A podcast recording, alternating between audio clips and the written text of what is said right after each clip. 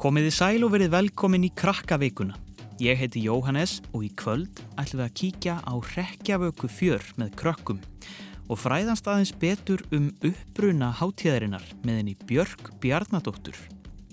Við lærum líka hvað orðið intersex þýðir með Bríetti Finnsdóttur. En við byrjum á að fara yfir nokkrar af krakkafréttum vikunar. Við sögðum nýlega frá því að Íslandingum byðist nú að gefa sólkerfinu HD 109246 Íslands nafn. Í þessu sólkerfi er gaspláneta á ringsóli í kringum sól sem er svo litið eins og sólinn okkar. Næstum 300 tillögur bárust en nú er búið að velja sjö sem kosið verður á milli. Nöfnin eru Hekla og Katla eftir tveimur af þekktustu eldfjöllum Íslands. Funi og Fold eftir orðum sem merkja eldur og jörð, Otti og Flatey til heiðurs fyrsta íslenska stjörnufræðingnum, Stjörnu Otta, sem var uppi á tóltuöld. Álfröðull og Hot Mýmir, en Álfröðull er gamalt nafn á sólinni. Hot Mýmir er holt þar sem tveir menn dvelja eftir ragnarök og nærast á morgundögg eða vatni en Ragnarök eru endalók heimsins í norrætni góðafræði. Sindri og draupnir eftir dvergnum Sindra úr eddukvæðum og draupni Gullring Óðins sem Sindri smíðaði. Edda og Gerpla eftir bókmyndaverkum Snorra Sturlusonar og Haldórs Lagsnes. Og loks Ljósmóðir og Ljósberi sem eru tvö fallega íslenska orð og vísa til ljósins sem stjarnan færir plánundunni.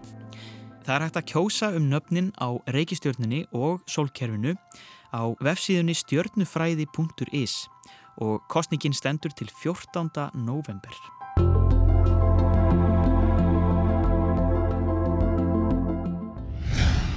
Í síðustu viku fóru forsetta hjónin Guðni T.H. Jóhannesson og Elisa Rít á Snæfellsnes í ofinbera heimsókn.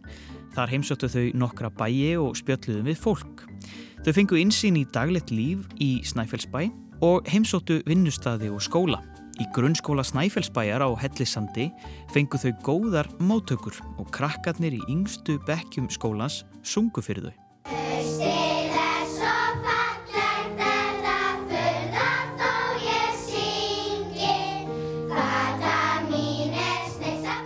Það bara, maður finnur að hér er eh, fólk sem eh, vil skapa öflugt samfélag.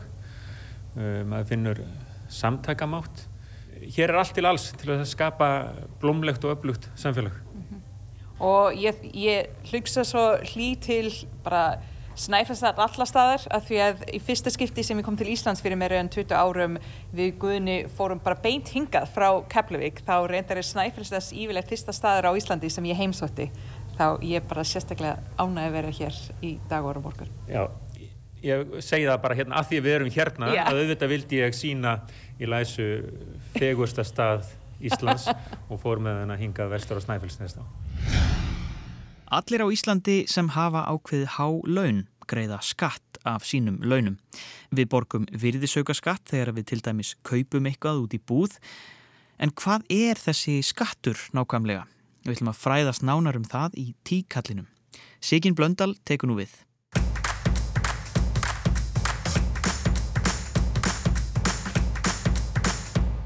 Hefur einhvern tíman velt fyrir þér hver borgar fyrir skólaninn eða vegin á sjúkrahúsin? Stutt að svarið er þú og ég. Við greiðum fyrir það með því að borga skatta. Þegar við kaupum eitthvað fyrir 100 krónur fara rúmar 19 krónur af því í skatt, svo kallaðan virðisauka skatt. Þegar við fáum greitt laun, fer hluti af þeim í að borga svo kallan tekjuskatt. Peningarnir sem yfirvöld fá í gegnum skattana eru svo nýttir í að borga fyrir sjúkrahúsin, göturnar, skólana, löguregluna og slökkuliðið, svo eitthvað sem nefnt. Orðið intersex hefur verið mikið í umræðinni undanfarið. Nú nýlega var sérstakur dagur haldinn til að vekja aðtekli á fólki sem er intersex og síðustu helgi var alþjóðlegur minningar og samstöðudagur intersex fólks. En hvað þýðir að vera intersex? Við fengum hana Bríetti Finnsdóttur í heimsókn og hún útskýrði málið fyrir okkur.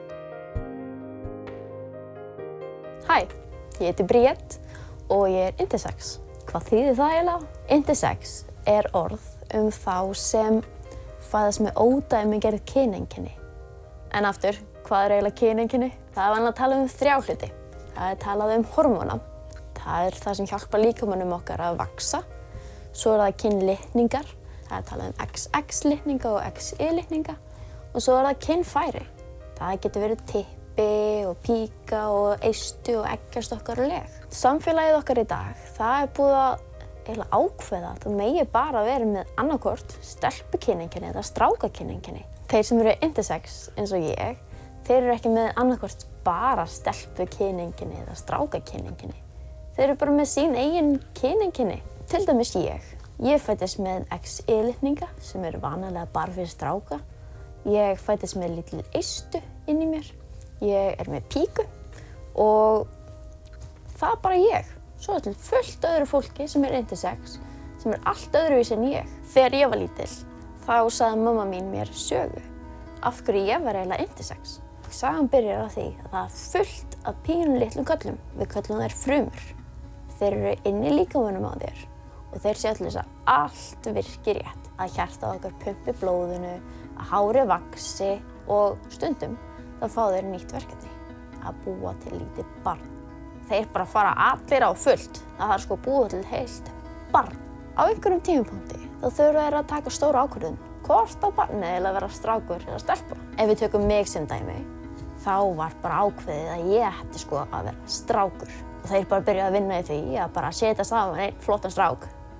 En svo komst þeir að því að þeir átti ekki alveg alla partana í strák. Þannig að þá fóru þeir bara í plan B. Ég skildi sko vera stelpa. En þá hafði þeir ekki negan tíma til að setja saman heila stelpu. Þannig að þegar það var komið tími fyrir mig að fæðast, þá var ég ekki alveg strákur og ég var ekki alveg stelpa. En ég virkaði alveg ja, vel. Og þess vegna er ég intersex.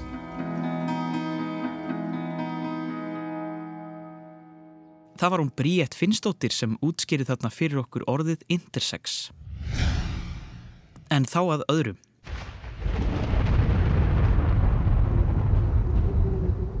Hrekkjavakan var haldinn á fymtudaginn síðastliðin og eflaust margir sem klættu sig í hræðilega búninga, skáru út graskir og beldu sig út af nammi. Á mánudaginn fyrir viku helt frístundamiðstöðin Miðberg sína árlegu hrekkjavöku hátíð en það er mjög vinsæl fjölskylduskemtun í Breiðholti. Þar var margt hrollveikjandi í bóði eins og draugahús, nortna kaffi, ógeðis kassar og fleira tilherrandi. Undirbúningur fyrir hrekkjavökuna er misjafn. Sumir eru löngu búnir að ákveða búning en aðrir eru bara með aðeins of margar góðar hugmyndir. Er erfitt að ákveða sig? Frekar erfitt, þetta breytist á hóltíma fresti. Hvað ætlar að vera núna? Norr. Ætlar að vera norr? Já. Ertu alveg handviss? Uh Nú, já, já. Haldið þið fáið eitthvað nammi? Já, við fáum fullt námi.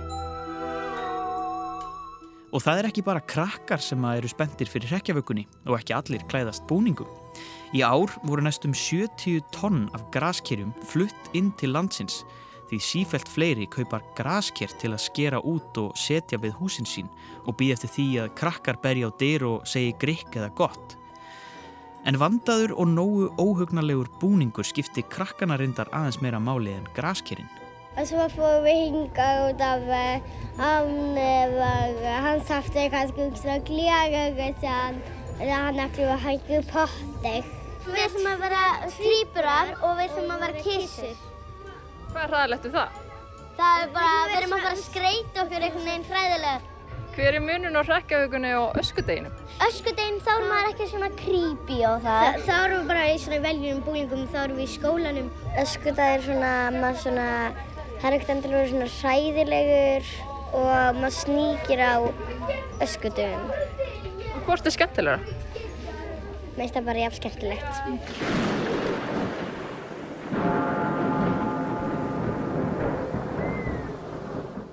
En hvað er hrekkjavakan nákvæmlega?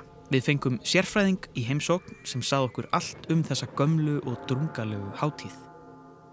Ég heiti Björk Bjarnadóttir og er umhverfis þjóðfræðingur og ég er einnig sagnakona og ég kalla mig sagnakonu náttúrunar því ég segi svolítið mikið sögur af blómum, steinum og fugglum þegar ég tek fólk með mér í gunguferðir og þá erum við ofta eh, líka einnig að týna júrtir til lækninga og þá segir fólki hérna ymsu þjóðsugur og fjalla um þjóðtrú tengt, sem er tengt plöntunum.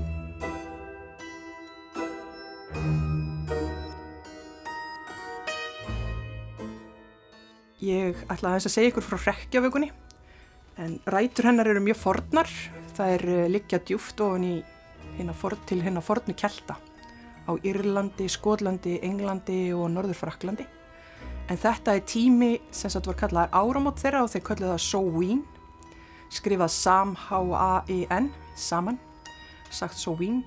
Og þá sem sagt það er kallað endir, það þýðir endir sömurs og þá eru kveikt eitt stórt bál sem að drúítar, prestar þeirra sáu um og allt fólkið í, á svæðinni kring kom síðan og náði sér í nýjan eld í eldstæðið. En á þessum sama tíma vissu keltarnir að þetta var helgur tími þar sem að tvær ástíði mætast og þetta er tímin þar sem að slæðan á milli heim hinn að dauðu og lifandi rofnar.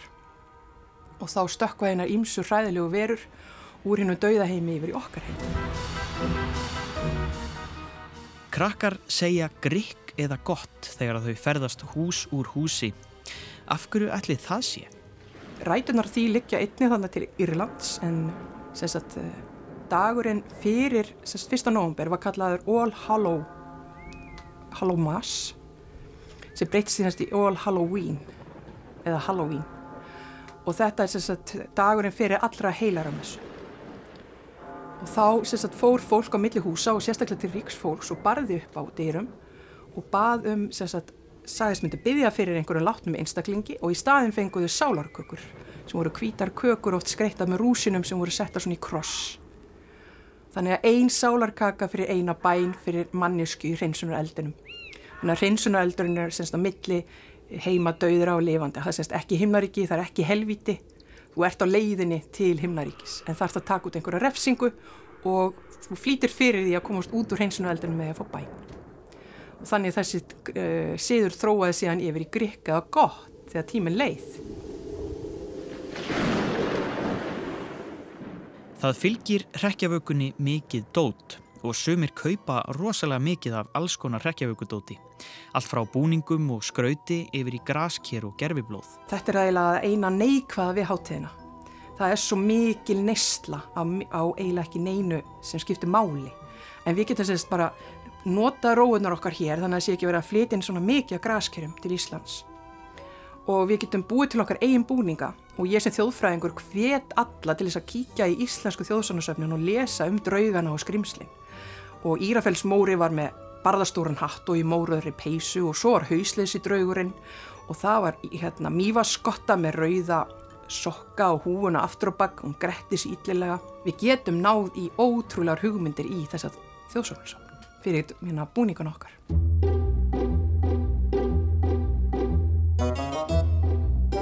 Það er fátt meira einkennandi fyrir hrekkjavöku eins og grasker. Þau eru tæmd, skorin út og síðan eru látin kerti í þau eða annað sem lýsir og þá verða þau að óhugnalegum ljóskerjum. En af hverju grasker? Það er vegna þess að það var maður sem var kallað Jack sem var mjög illgjart smiður sem gerði samning við djöfulinn um að djöfullin myndi ekki taka hann þegar hann myndi deyja. En þegar Jack dó þá laði hann að stað til himnaríkis og Guð opnaði ekki fyrir honum og sagði nei því meður þú varst of illgjarn, við tökum ekki móti þér. Þá fer hann til helvítis og hugsaður, já já, djöfullin verður að taka móti mér. Og hann bankar upp á og djöfullin segir nei, ég svík aldrei lofurum mín. Og djöfullin fer og næri glóandi móla úr sínum el, vítis eldi og hendir í Jack. Og einhverju hluta vegna var Jack með rófu með sér, sem hann skar út í. Þannig að hann geti líst sér leiðina um heiminn sem hann vafrar um að eilifu því engi vil taka mótunum. En þessi siður þróaðist yfir í það að fólk skar út rófur á Írlandi og setti við hurðana sína. Þannig að þar var fólk velkomið sem vildi koma og berja á dyrum og fá grikkaða gott. Þannig að róan sem sagt fældi burtu illarvættir en bauð fólk velkomið. En í henni miklu hungursneið á Írlandi á 19. öld þá þá fluttu um 1-2 miljónir íra til bandarækjana og þá rákust þeirra því merkilega grasker sem þeim fannst ótrúlega gaman að skera út. Þannig að graskerinn tóku yfir í bandarækjunum og þessi hátið tók því líka stökkið fyrir svona 40 árun síðan í bandarækjunum. En þar áður var þetta mikil óeirða hátið. Það voru svona uh, götupiltar, pörupiltar sem tók að sér að brjóta glugga og ráðast á fólk og stríða fólki, taka dekk undan bílum sem að hinn ímsu borgareiföld höfðu mikla ágjur af og hátíðinu var breytt yfir í fjölskylduhátíð þannig að foreldrar færu með börnin sínum og berðu á dýrum og þá var útrýmt þessum pörupilta sið að kveikja bál og taka dekk undan bílum. Og síðan hefur síðurinn þróast í að vera hátíð allra, barna og fullorðina og ástæðan fyrir því að við klæðum okkur í búninga er svo að þá vita draugarnir ekki að við erum ekki draugar.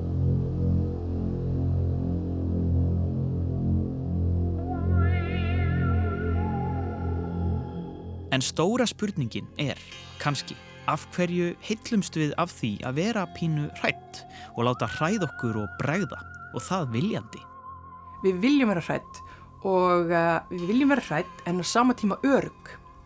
Þegar við erum að lesa draugasögu þá vitum við að sagan býr í bókinni en hún lifnar við á vörum sagnamannsins eða sagnakonunar og við getum séð verunar.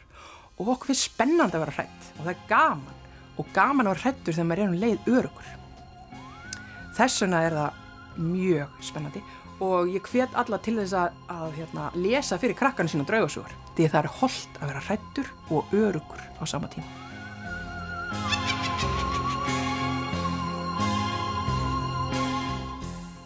Björg Bjarnadóttir, umhverjus þjóðfræðingur, sagði þarna frá uppbruna rekjavökunar. Við þökkum henni kærlega fyrir að fræð okkur í stað þess að hræða. En það er hægt að sjá alls konar skemmtilegt í mynd tengt rekjavökunni á krakkarúf.is. Þar má líka finna þennan þátt og alls konar fleira til að horfa og hlusta á. En þá er þessu lokið hjá okkur í krakkavíkunni í byli. Þánga til næst. Bless, bless. Boys and girls of every age, wouldn't you like to see something strange? Come with us and you will see. This our town of Halloween. This is Halloween. This is Halloween. Pumpkins scream in the dead of night. This is Halloween. Everybody make a scene. Trick or treat. Tell the neighbors gonna die of fright. It's our town. Everybody scream. This town of Halloween. I am the one hiding under your bed. Teeth ground sharp and eyes glowing red. I am the one hiding stairs. Fingers like snakes and spiders in my hair. This is Halloween. This is Halloween. Halloween. Halloween. Halloween. Halloween. In this town we call home. Everyone hail to the pumpkin song. In this town, don't we love it now? Everybody's waiting for the next surprise. Round that corner and hiding in the trash can. Something's waiting now to pounce and how you'll scream. This is Halloween. Red and slimy green. Aren't you scared? Well, that's just fine. Say it once, say it twice. Take a chance and roll the dice. Ride with the moon in the dead of night. Everybody scream. Everybody scream. I am the clown with the tearaway face. Here in a flash, gone without a trace. I am the wind calling who's there? I am the wind blowing through your hair. I am the shadow on the moon at night, filling dreams to the brim with fright. This is Halloween. This is Halloween. Halloween, Halloween, Halloween, Halloween. Halloween, Halloween. Tender everywhere. Life's no fun without a good scare. That's our job. But we're not mean in our town of Halloween. This it now? Everyone's waiting for the next surprise. Skeleton Jack might catch you in the back and Scream like a banshee, make you jump out of your skin. This is Halloween. Everybody scream. Won't you please make way for a very special guy? Man Jack is king of the pumpkin patch. Everyone hail to the pumpkin king. Now this is Halloween. This is. Halloween. Halloween.